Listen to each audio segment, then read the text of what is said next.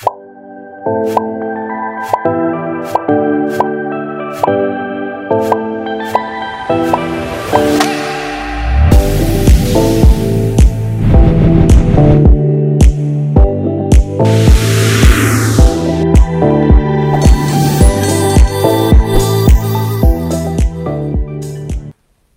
är ni varmt välkomna till denna release utav rapporten för Här för att stanna. Så nu hoppas jag ni båda hör mig i Zoom och att livesändningen på Facebook är igång. Det ser i alla fall så ut. Är det någon av eh, delarna som inte funkar som de ska så är det bara att skriva i respektive chatt så kommer min kollega att eh, försöka hjälpa er att komma igång eller att komma in i det andra rummet. Eh, det kan vara så att sändningen på Facebook går lite smidigare att titta på om man nu tycker att kvaliteten i Zoom är lite sådär. Men då är det bara att eh, eh hoppa dit i så fall. Jag heter Olof Brandt och det är jag som ska leda det här samtalet den här stunden. Och eh, vi ska alltså presentera den här rapporten som nu då släpps härmed idag. Eh, rapporten Här för att stanna, som är en rapport utifrån ett arbete som vi i Bibeln idag har gjort här under ett år. Och eh, rapporten i sig kommer att gå att ladda ner här efteråt. Eh, den kommer också gå att beställa, men den är inte riktigt klar. Ni vet, vi släpper det här i coronatid, så att allt är försenat vad det gäller eh, tryckning och sånt här, men det kommer att finnas en tryckt version också om man skulle önska det. Vi som eh, har gjort det här arbetet, vi är en organisation som heter Bibeln idag, en eh, ideell organisation, en ekumenisk organisation som har funnits i Sverige i snart 60 år. Och eh, det vi ska göra idag, en så här kort översikt nu då, det är att vi ska gå igenom metoden som vi har använt, lite grann om bakgrunden till varför vi gör det här. Vi ska gå igenom den huvudteori som eh, vi använder i analysen i rapporten. Vi ska gå igenom fem huvudområden som är de som vi har valt att lyfta fram utifrån arbetet som vi har gjort. Och sen ska vi fundera lite grann på vad händer nu framåt? Både för dig som lyssnar, men också för eh, ja, den församling du tillhör eller samfundet du eh, jobbar för eller sådär. Hemskt roligt att ni är här. Och för er som har dykt in här senaste tiden så heter jag alltså Olof Brandt och jag är ledare för eh, Bibeln idag. Då kör vi väl helt enkelt igång. Har man någon fråga eh, sådär, så kan man slänga in den i de olika chattarna. Det kan vara så att jag inte ser den för att jag tittar mest på, på er i kameran så att säga. Men eh, PO kommer fånga upp dem som eh, ställer frågor så att frågorna ställs antingen direkt i mötet eller i frågestunden i slutet. Så då kör vi. Lite historia då. För det första så är det så här att det här är en fråga som har levt hos mig egentligen sedan jag själv var ungdomsledare. Jag jobbade som ungdomsledare i fem år och jag fascinerades under den tiden av att det var så många ungdomar som vi hade i vår verksamhet som vi uppfattade som att de fick en tro, en tro som levdes ut, de blev, de blev bedjare, de började läsa Bibeln kanske, eh, och de var med väldigt aktiva i ungdomsgruppen. Men så försvann de. Och för mig var det där en ganska stor sak. Jag tyckte det var jättejobbigt. Men det verkade som att människorna runt omkring mig, som hade varit med längre än mig, tyckte inte att det där var så konstigt. Man lite, lite grann ryckte på axlarna åt det hela. Så den där frågan har jag burit med mig under alla mina år sen när jag har jobbat och funderat på vad finns det man kan göra kring det här. Sen för något år sedan, eller ett par år sedan, så började Bibeln Idags internationella organisation Scripture Union jobba med frågan, vad är det som gör att unga människor stannar i tro när de blir vuxna? Eller stanna i tro. Vi kommer säga det några gånger. Egentligen handlar det om att få en, ett livslångt lärjungaskap, att utvecklas i tron, att få en egen tro, en vuxen tro. Men att bli kvar, att inte lämna tron, är ju det vi pratar om. Man tittade också på vad var det som eh, gjorde att eh, människor lämnade. Och när vi fick den här rapporten från eh, våra kollegor så insåg vi att här kanske är möjligheten att göra någonting i Sverige. Men vi insåg samtidigt att vi kan inte komma till kyrkor i Sverige och säga så här ser det ut i Australien, så här ser det ut i Nya Zeeland eller så här ser det ut i USA eller Tyskland eller vad det nu är. Utan vi ville se hur ser det ut i Sverige? Och det var därför som Här för att stanna kom till. Så vad har vi då gjort under det här året? Vad har varit vår metod så att säga? Jo, man kan sammanfatta det egentligen i fyra punkter. Vi har gjort intervjuer. Ett 40-tal intervjuer med ungdomsledare, pastorer, eh, det har varit församlingsledare inom i huvudsak tre samfund. Det är pingstkyrkor, det är EFK och det är Ekumenia-församlingar, Sen har vi haft ett antal andra intervjuer och samtal som har då kompletterat detta. Vi har pratat med människor från andra samfund för att få lite så här, är det här helt annorlunda hos er eller känner ni igen frågorna? Sen har vi gjort enkäter, både för familjer eller för föräldrar, som var en nationell enkät. Och sen har vi gjort enkäter då i Korskyrkan i Uppsala, där vi har haft en djupstudie kan man säga, där jag har jobbat under det här året. Sen har vi läst forskning, vilket ni kommer märka om ni läser i rapporten. Vi har försökt läsa in oss på det som finns.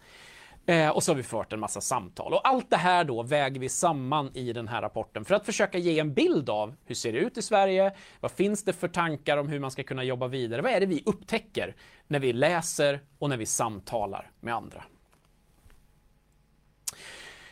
För att kunna göra en rapport av det här så valde vi en eh, huvudteori som vi kallar det för vår analys. Och det är ifrån en eh, norsk forskare som heter Erling Birkedal som eh, tittade på, han intervjuade, han gjorde först enkäter och sen intervjuade han unga människor och så försökte ta reda på vad var det för olika saker som fick dem att stanna i tron. Att gå vidare till en vuxen tro. Och han fann att det var egentligen framförallt tre stycken ben, kan man säga, som var viktiga för att en ung människas tro skulle bevaras. Det var att det skulle finnas en social aspekt av tron, att det fanns en, eh, en kompiskrets, vänner, relationer av olika slag. Att det skulle finnas en emotionell dimension, det vill säga att man upplever Gud, att man eh, märker att bön hjälper, att man får vara del av lovsång och så vidare. Och sen också en kognitiv dimension, där alltså tron får ta man får läsa, man får se, man får förklara, alltså apologetik, samtal om saker i livet som kanske inte alltid är så lätta. Och eh, hans teori, den eh, sa då dels att om du var uppväxt med en väldigt socialt förankrad gudstro, så var det det som var viktigast att du hittade på ett nytt sammanhang. Men framförallt, de som i största grad var kvar, det var de som var kopplade till alla tre. De som fick av alla tre delar. Eh, så att om man bara hade en socialt förankrad gudstro så var risken större att man lämnade om man, än om man också hade fått kognitiva delar, fått fundera på sin tro till exempel i apologetiska termer. Så den här, den här teorin, den tog vi och applicerade på de svar vi fick, framförallt från intervjuerna med ungdomsledare. Och det är en stor del av det här resultatet. Men då kommer vi in på de här fem nu huvudområdena som är de som vi har valt att fokusera på. Det finns många små detaljer och jag hoppas att samtalen kommer fortsätta. Eh, men vi kommer nu presentera fem områden. Den första saken vi såg, det var att utav våra egna församlingsbarn, om vi säger så, människor som har vuxit upp i församlingen, så är det otroligt många som lämnar tron längs vägen. Och här kan man ju fundera på vad är en okej okay siffra? Hur många kommer tillbaka och så vidare. Och det här är ju större frågor såklart. Men överlag, om vi drar bara ett snitt på alla de intervjuer vi hade, så lämnar över 60 procent, alltså någonstans mellan 30 och 40 procent bara, är kvar i tron. Och då är det viktigt att betona att vi frågar inte, är du kvar i församlingen du växte upp i? Utan har du en tro kvar? Och det här kommer då av de här ungdomsledarnas uppskattning. Och de var många gånger ärliga. Vissa av dem hade koll. Andra hade koll på vissa och några av de här pastorerna och ungdomsledarna sa helt enkelt äh, jag vet inte. De flyttade härifrån och sen dess har jag ingen aning. Och i så fall så räknas de inte med här utan det är bara de som kände att de hade koll som finns med.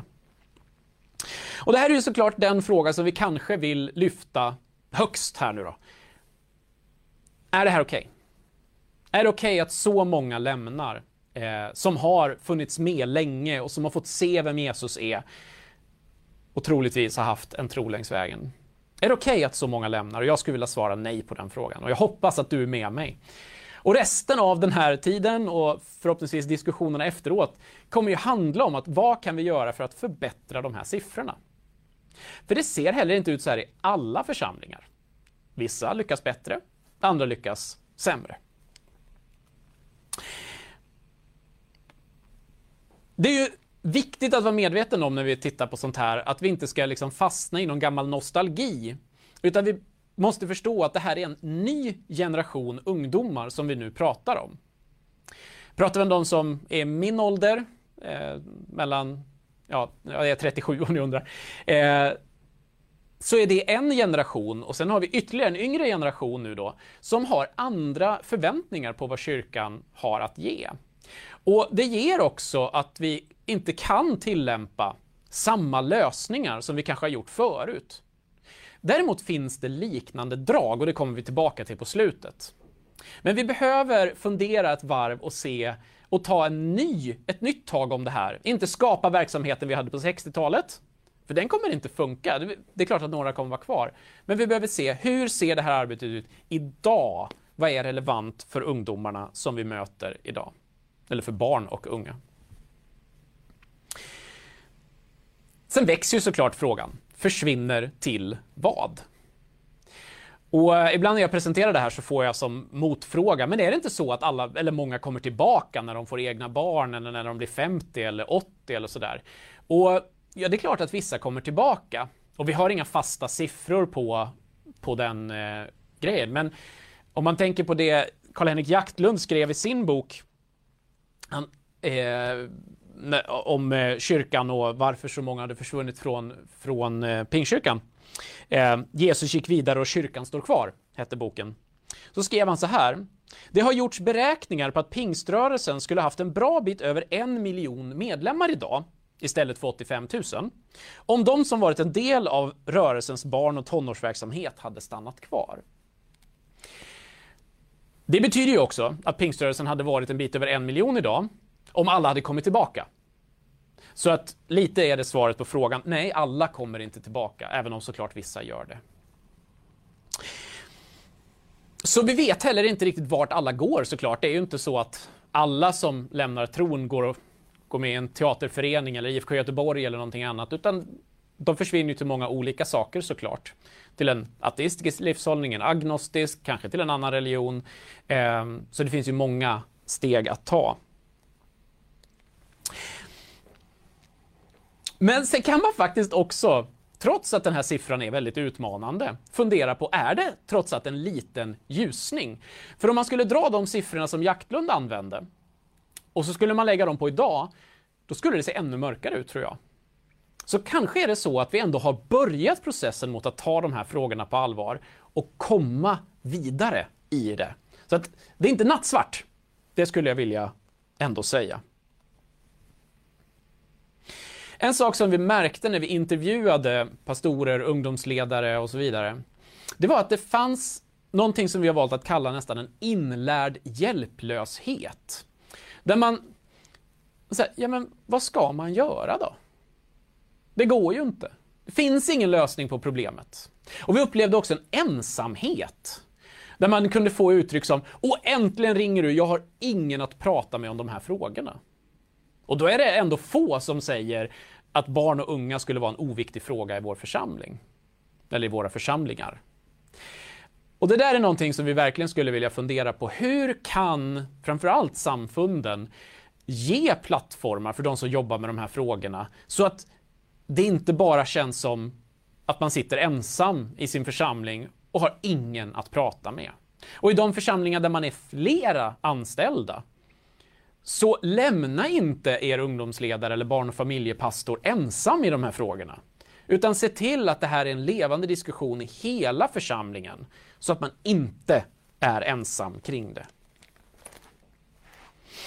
Det här är också någonting som vi ser att vi har ju inte gjort en forskningsartikel på något sätt.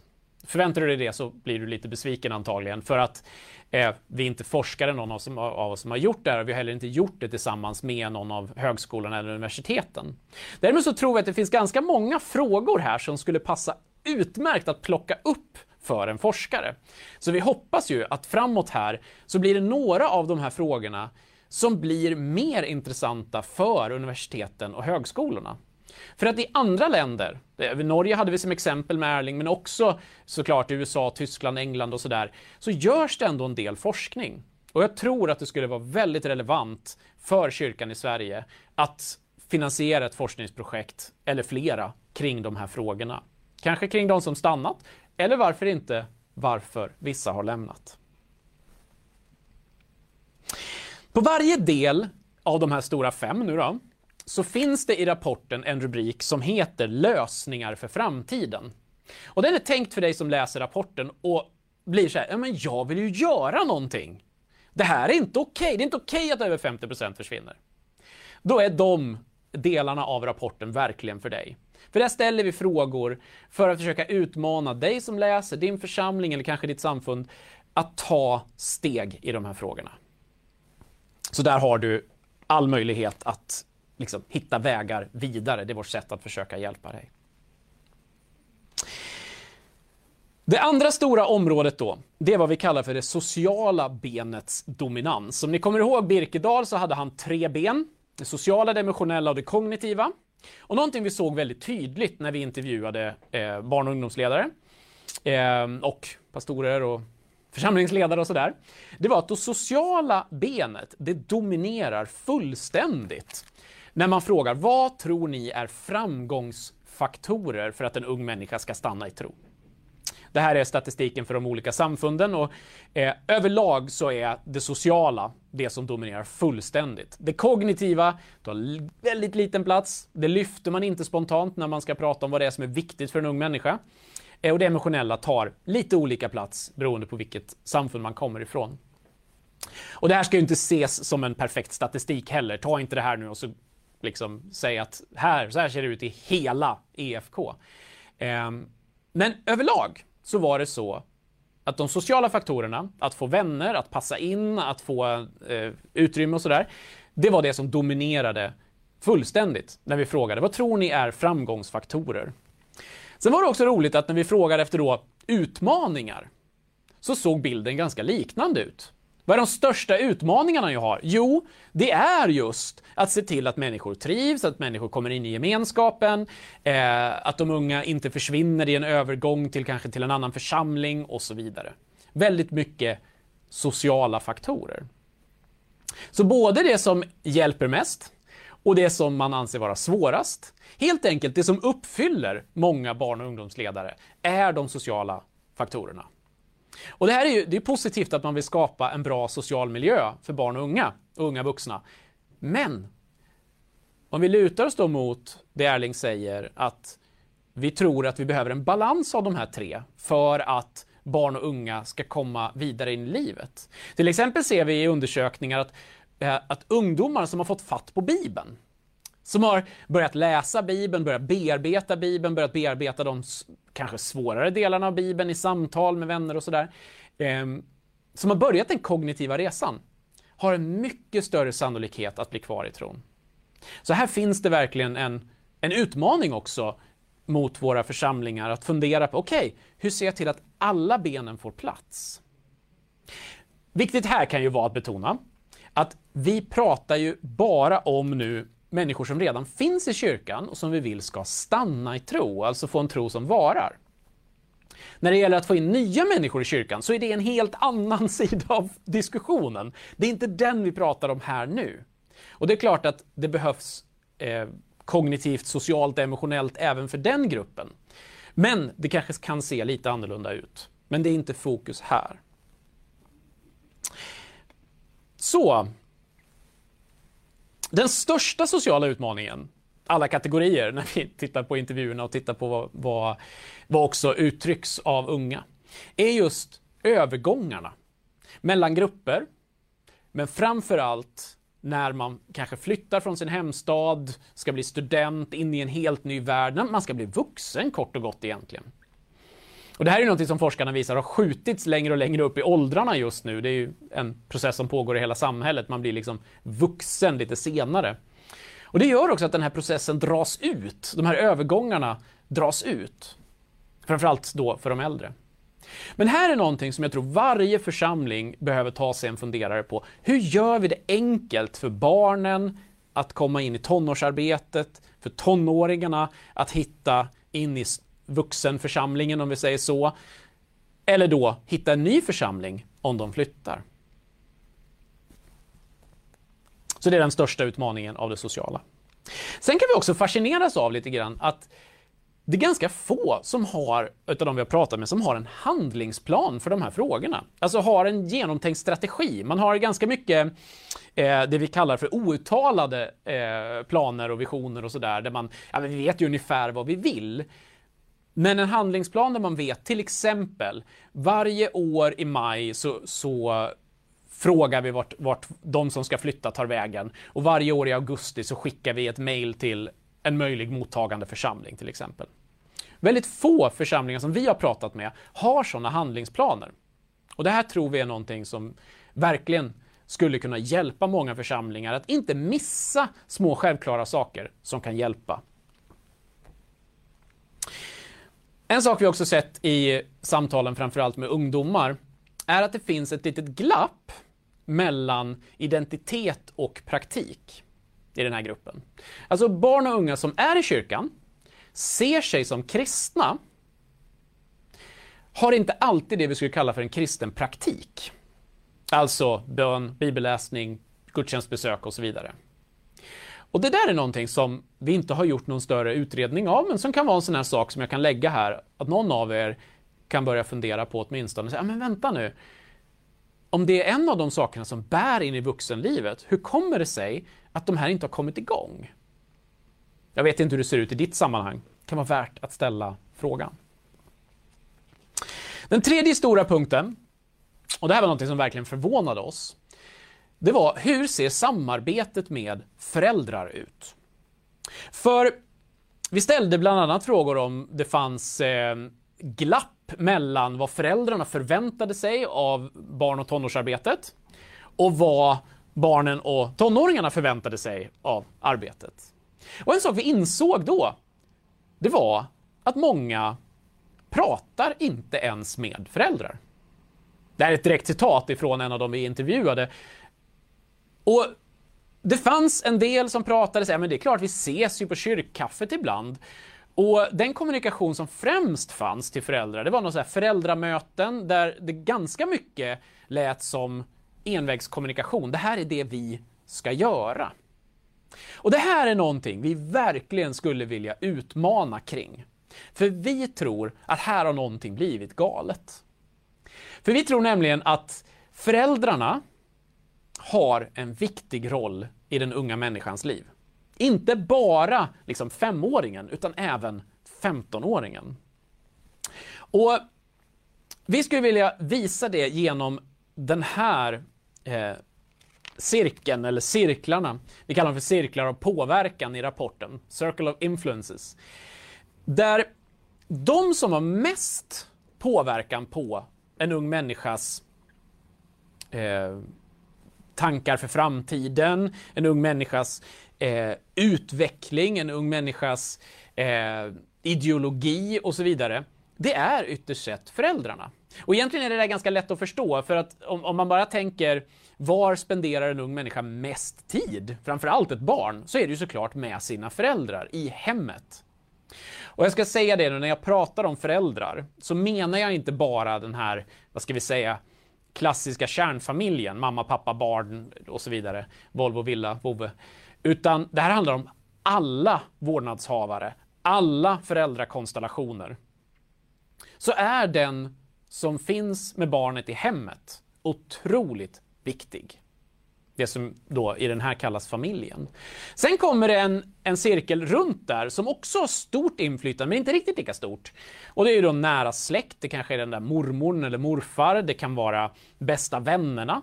Sen kommer nästa cirkel och då är du inne på skolan och föreningar av olika slag som kan ha stor påverkan. Och sen i stort så finns det ju andra saker som påverkar i de yttersta cirklarna. Och här kan man ju fråga sig, var finns församlingen? Var hör församlingen hemma i den här cirkeln? Och för många barn och unga så inser vi att församlingen såklart ligger ju i den yttre, näst yttersta cirkeln. Och jag skulle vilja säga att ett mål för er skulle kunna vara att se, kan det vara så att församlingen får förflytta sig i en liksom visionsprocess ett steg närmare den unga individen? Och vad menar vi då med det? Jo, vi menar närmare relationer och det kommer vi till på nästa punkt också.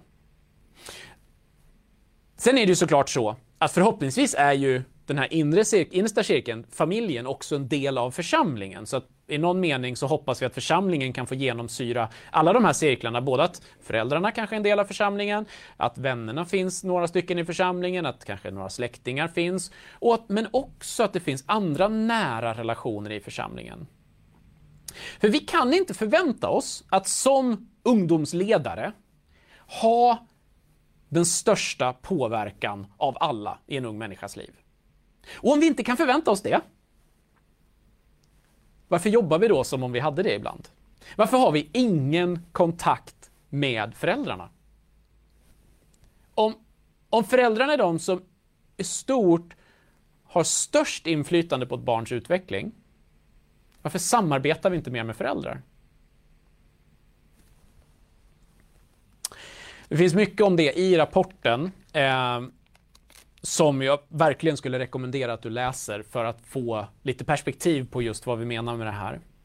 Och här vill vi betona också att det här handlar om alla föräldrar. Och då blir det också inte bara liksom alla olika föräldrakonstellationer och vårdnadshavare och så vidare, utan också fundera på hur kan vi samarbeta med de föräldrar som inte är kopplade till församlingen? Som kanske inte ens har en tro, eller av en annan tro. För jag tror att vi kan samarbeta och jobba även med de föräldrarna. Även dem kan vi hjälpa för att göra det bästa för de här barnen som Gud har gett oss. Det vi egentligen vill säga här, det är ju att det ska vara rätt person på rätt plats. Om vi tror att ungdomsledaren kan ta förälderns roll, så hamnar vi fel. Om vi tror att föräldern kan ta ungdomsledarens roll så hamnar vi också fel. Men det är inte fullt lika vanligt kanske.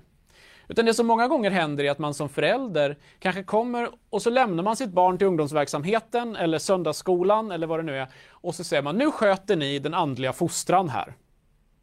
Så backar man undan. För vi har vant oss vid som föräldrar vid en professionalisering av allt det här. Och det tror vi inte är bra. Ja, föräldrar som inte tror nämnde vi. Fjärde området nu då. Det är behovet av nära relationer och det här går ju som en tråd igenom alltihopa egentligen. Eh, men vi vill ändå lyfta fram det lite extra. Och det här beror ju på att det sociala benet är starkt såklart. Eh, det är någonting som betonas av barn och unga. Men vi ser också de största utmaningarna här. Så det är därför som vi ändå vill lyfta med det som ett av de stora eh, en av de stora frågorna som varje församling bör fundera på. Hur gör vi övergångar bra? Hur gör vi eh, så att det inte bara är ungdomsledaren som förväntas vara bästis med alla? Hur skapar vi möjligheter att många relationer kan byggas över generationsgränserna och till familjen? För en av de saker som vi gjorde i familjeenkäten som då gick ut över hela landet var att fråga lite olika saker. Och det här var alltså i största grad församlingsanslutna, aktiva föräldrar som svarade. Och vi frågade dem, om du plötsligt får ett oväntat möte en torsdagkväll, du behöver få tag på barnvakt, annan än någon i hushållet. Hur många har du att välja på? Och det här tog tag i mig. För förvånansvärt många församlingsaktiva föräldrar svarar ingen eller en enstaka. Den hade vi med lite grann som kontrollfråga för att på något sätt väga lite, hur är det egentligen med, med relationerna i våra församlingar? Och om en församlingsanknuten familj känner att de har ingen eller kanske en att fråga om barnvakt om det krisar sig, så är det ett litet kvitto på hur vi har lyckats med relationerna i våra församlingar. Så eh, ställ de obekväma frågorna. Ska vi se. Ska bara se så att alla fortfarande ser. Jajamän, bra. Eh, ska vi tillbaka dit.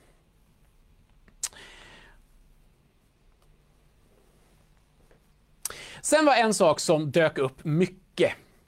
Eh, och det här var den delen som kanske, om man, mätt, om man mätte det kognitiva tidigare, så kan man säga att den största delen av de som pratade om det kognitiva, de pratade om samtal om livets svåra saker. Och då ställde vi bland annat frågan, hur förbereder ni ungdomarna på de svårigheter vi alla möter i livet? Och eh, här så dyker en intressant sak upp. Och det här kan ju vara en tillfällighet att det blev så här. Eh, men det kan också vara någonting som säger någonting om våra församlingar, så fundera på hur det ser ut hos dig. Om vi frågade efter hur möter ni de här frågorna, om ni möter dem, så kan vi se att i pingst, eh, utav de pingstledare vi frågade, så var det en stor del som gör det genom förkunnelse och undervisning på olika sätt. I gudstjänster eller i ungdomsgruppen. Men många färre som gjorde det till exempel via andlig vägledning eller smågrupper. Medan det såg precis tvärtom ut i EFK. Där det var inte alls särskilt många som undervisade om de här frågorna. Men desto fler som tacklade dem genom smågrupper eller andlig vägledning. Och sen finns det också de som slussar vidare eller hittar andra sätt. Och faktiskt några som svarar att de försöker ge föräldrarna verktyg för att behandla de här frågorna. Och här tror vi också att det finns en eh, poäng i, när det sociala benet är så starkt, att verkligen också ge utrymme för just de här samtalen. För är det någonting som dyker upp överallt när vi pratar med, med unga, så är det just om de är kvar så har de fått möjligheten att brottas med livets lite svårare frågor i något sammanhang. Inte bara fått undervisning om det. Också undervisning, nu är det de här, kopplar vi ihop de här benen igen. Eh, alla de här tre benen behövs. Så hur ser det ut hos er? Övergångarna har vi redan varit inne på. De här övergångarna mellan olika delar av livet är någonting som vi ser. Vi, det är där vi tappar de flesta. Och det kan ju vara rent praktiska skäl. Det var jobbigare att ta sig till ungdomsgruppen. Men i många fall så handlar det om andra delar. Och här kan det ju vara viktigt att tänka på att om man bygger hela den unga människans eh, tillvaro i församlingen på just det sociala benet. Vad händer när det sociala benet bryts av? När man flyttar eller när ungdomsledaren slutar eller någonting annat? Jo, då har ju ungdomen byggt en relation till en individ eller till en byggnad eller till en församling som de inte kan vara med i.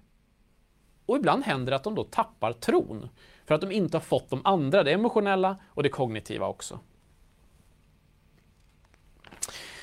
Så, vad är då målet med det här? Jo, målet är ju, i Här för att stanna, att försöka ge lite grann av en plattform för ett vidare samtal. Jag tror att du går härifrån med fler frågor än vad du fått svar. Jag är ledsen.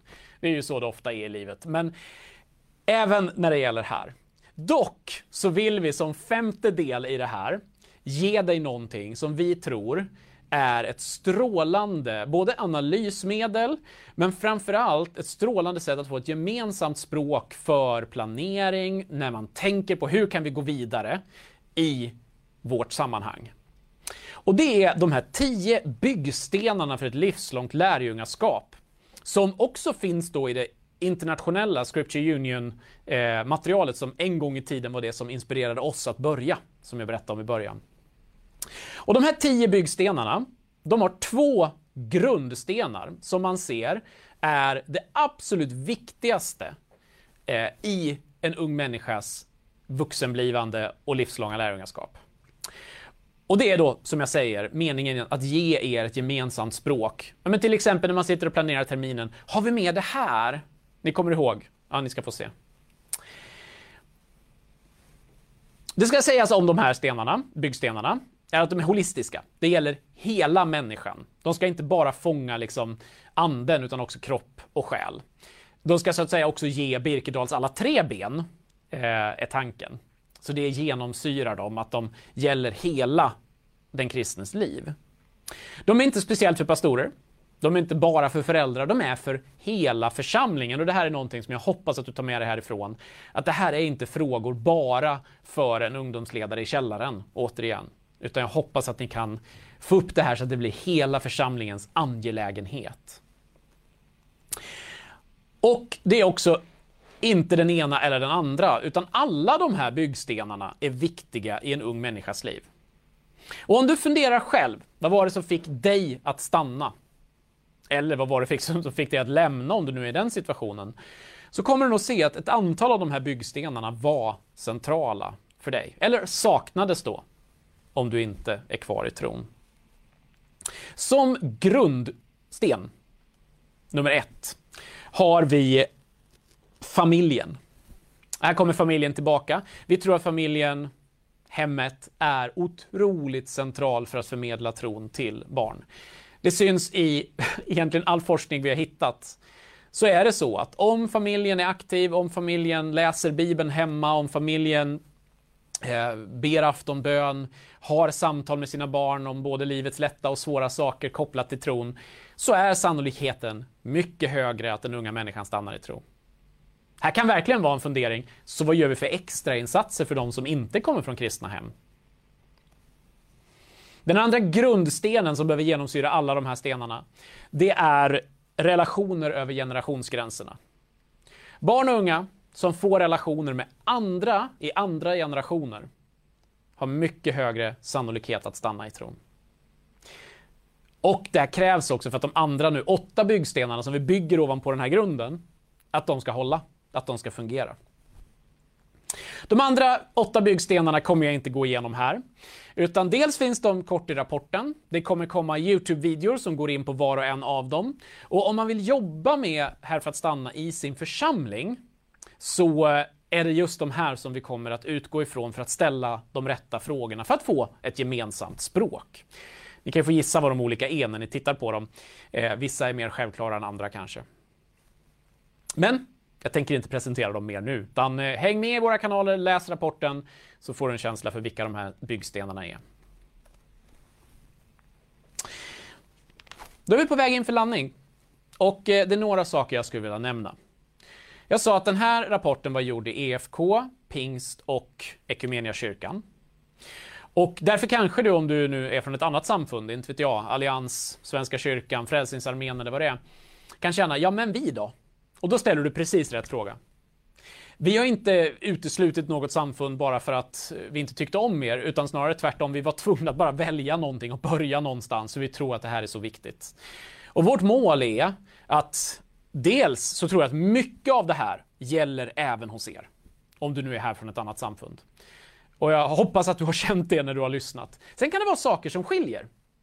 Eh, hela inställningen kring hur en gudstjänst ska vara till exempel är sånt som vi kommer att ha olika inställningar till och hur gudstjänsten ska kunna användas för att vi ska nå unga och så vidare. Men vi hoppas också i framtiden kunna ställa mer aktiva frågor till övriga samfund. Så det får vi se hur det utvecklar sig. Det beror på hur projektet går vidare och sådär. Vi har heller inte valt att fokusera på de som försvann. Alltså de som inte är kvar. Och här är min utmaning till dig som lyssnar att fundera på, kan ni göra någonting av det hos er? Har du frågat dina gamla vänner? Eller dina barn? Eller andra som du känner som har lämnat? Vad var det egentligen som gjorde att du försvann? Vad var det som gjorde att du lämnade? För här tror jag att vi behöver ha nära samtal. Jag tror inte vi når svaren på de här frågorna genom övergripande intervjuer, utan vi behöver komma på djupet med människor i vår närhet. Så kanske är det så att den här punkten passar bäst i ett samtalsunderlag som man utmanar sin församling att ha. Vad vet jag? Eller så sitter du här från en högskola och tänker, nej du, det där ska bli ett forskningsprojekt för de närmaste tre åren. Och vad jag hejar på dig i så fall, det vill vi läsa. Det har gjorts några forskningsinsatser eller uppsatser på det här temat också. Finns lite mer om det i fotnoterna i eh, rapporten. Så, det här är ett samtalsunderlag. Det här är inte en slutprodukt. Det här är en utmaning för alla som läser den att tänka vidare på sitt eget sammanhang. Det finns en anledning att sista sidan är tom. Det är din sida. Där ska du kunna börja stegen för dig själv och för din församling. Eh, där kan du fylla på dina tankar. Vad är det som är era första steg? Vad är det ni kan göra? Och är det så att ni vill att eh, det här skulle vara en, en, sak som ni jobbar med, vidare med just i er församling, så tveka inte att höra av er.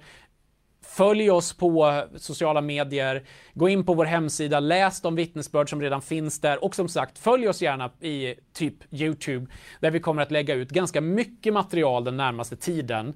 Eh, Bibeln Idags podcast kommer ha avsnitt om alla de här byggstenarna och så vidare. Så vi kommer pumpa på ganska mycket här nu med att ge material till er som vill fundera vidare på det här. Och är det så, ni vill ha besök eller bara vill prata om det här, så tveka inte att höra av er. Så vill jag också passa på att säga tack. Tack till er som är, har lyssnat nu. Eh, tack till alla som har ställt upp för intervjuer, enkäter. Tack särskilt till PO Flodström som har gjort ett jättejobb med att sammanställa intervjuer och intervjua och ringa runt. Eh, tack till Korskyrkan Uppsala som eh, har varit en nära samarbetspartner i den här djupstudien som vi gjorde just i den församlingen. Och tack till alla oräkneliga människor som har genom sms, mail, Facebook-kommentarer, eh, samtal, både inplanerade och spontana, gett oss infallsvinklar på de här frågorna. Ingen nämnd, ingen glömd höll jag på att säga. Och vill du nå mig så, eh, ja, du vet hur Google fungerar. Olof Brandt heter jag. Jag finns på Bibeln idag.